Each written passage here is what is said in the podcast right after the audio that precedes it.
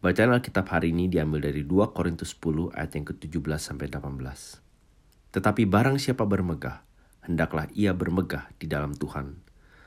Sebab bukan orang yang memuji diri yang tahan uji, melainkan orang yang dipuji Tuhan. Bapa dalam surga, walaupun kami memasuki dan tetap berada di tengah-tengah masa pandemi, tapi engkau bukan Allah yang terkejut, bingung, atau heran, melainkan engkau berkuasa dan senantiasa mengendalikan segala sesuatu di bawah bijaksanamu yang tidak terbatas dan sering kali tidak dapat kami pahami dan selami. Pagi hari ini kami berdoa kiranya apa yang kami mau pikirkan dan renungkan bersama boleh menjadi bagian dari engkau melawat kami. Pagi hari ini sekali lagi supaya kami dapat melalui masa-masa ini dengan semakin bersandar dan bertekun di dalam iman dan uh, pengabdian kami kepadamu. Demi Tuhan Yesus kami berdoa. Amin. Saudara kita yang di Victoria, Australia baru saja masuki stage 4 restriction. Ini pengetatan yang ditingkatkan dengan maksud untuk mengurangi penyebaran COVID-19 tentunya. Kebanyakan Anda sudah mengetahui aturan dan batasannya yang tidak akan saya ulang lagi seperti hanya boleh per, berpergian dengan jarak tidak lebih dari 5 km dari rumah, uh, pergi hanya untuk hal esensial seperti bekerja, alasan kesehatan, melalui orang la lain, dan lain seterusnya. Nah mereka yang bekerja di rumah tetap bekerja dari rumah dan sekarang Tentunya seluruh anak usia sekolah juga ikut belajar dari rumah setelah sebagian dari mereka sempat boleh belajar tatap muka di gedung sekolah beberapa waktu yang lalu. Ada jam malam yang sekarang berlaku mulai dari jam 8 sampai jam 5 pagi. Dan sementara sebagian besar usaha, bisnis entah harus tutup sama sekali atau beroperasi dengan kapasitas yang dikurangi.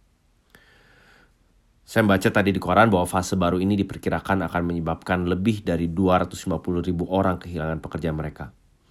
Belum lagi dampak panjang yang sudah dirasakan dan akan terus dirasakan terhadap ekonomi serta tantangan yang dialami oleh masyarakat di dalam berbagai level.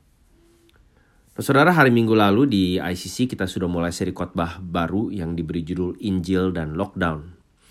Di mana kami mengajak untuk melihat bagaimana Injil Yesus Kristus berhadapan dengan masalah-masalah yang kita alami seperti kesepian, pesimisme, rasa bosan, burnout, kekeringan rohani, kesulitan finansial, pelarian ke media sosial, Netflix atau games, kerentanan fisik dan mental, dan juga stigmatisasi terhadap para penderita atau para penyebar uh, COVID-19.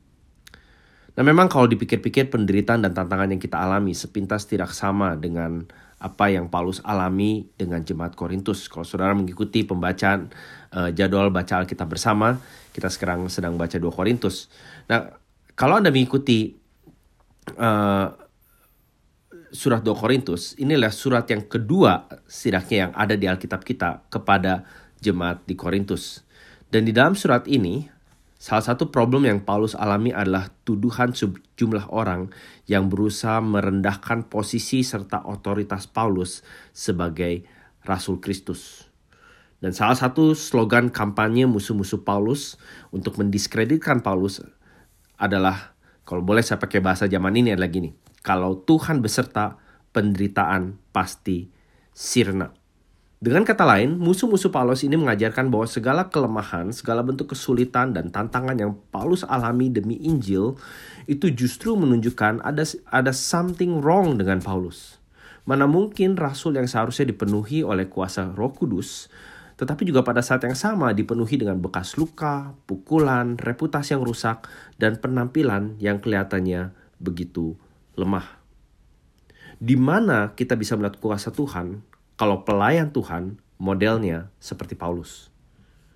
Saudara, tetapi Paulus tahu benar bahwa kelemahan, kesulitan, dan tantangan yang ia alami demi Injil justru membuktikan bahwa hidup dan pelayanannya disertai Tuhan dan dipenuhi roh kudus. Mengapa? Karena itulah pattern atau pola pekerjaan Tuhan di dalam dan melalui umatnya sepanjang sejarah.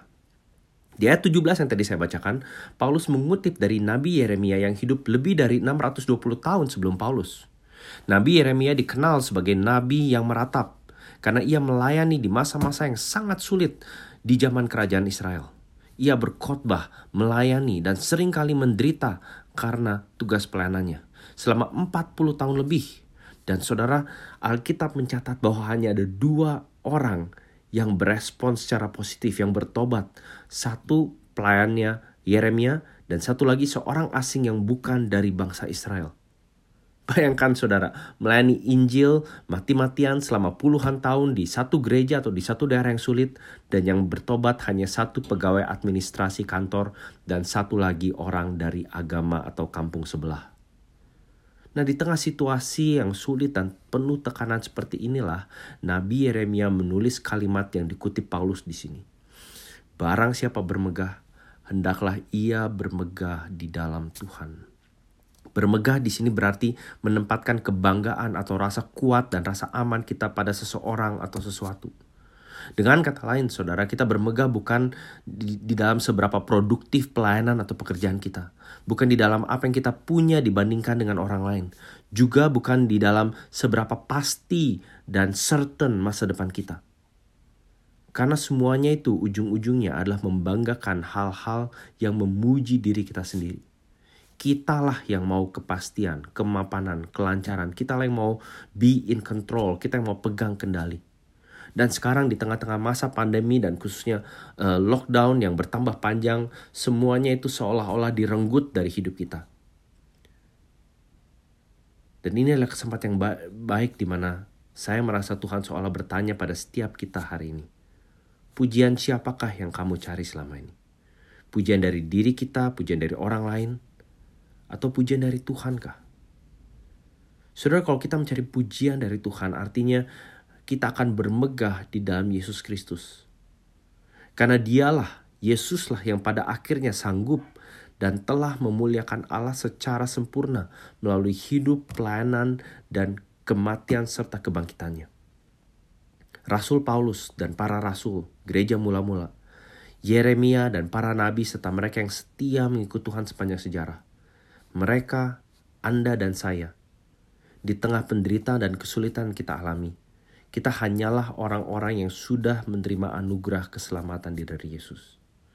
Bahkan bahwa Anda dan saya bisa berbalik dan bertobat kepada Allah pun itu karena rohnya bekerja di dalam hati dan hidup kita.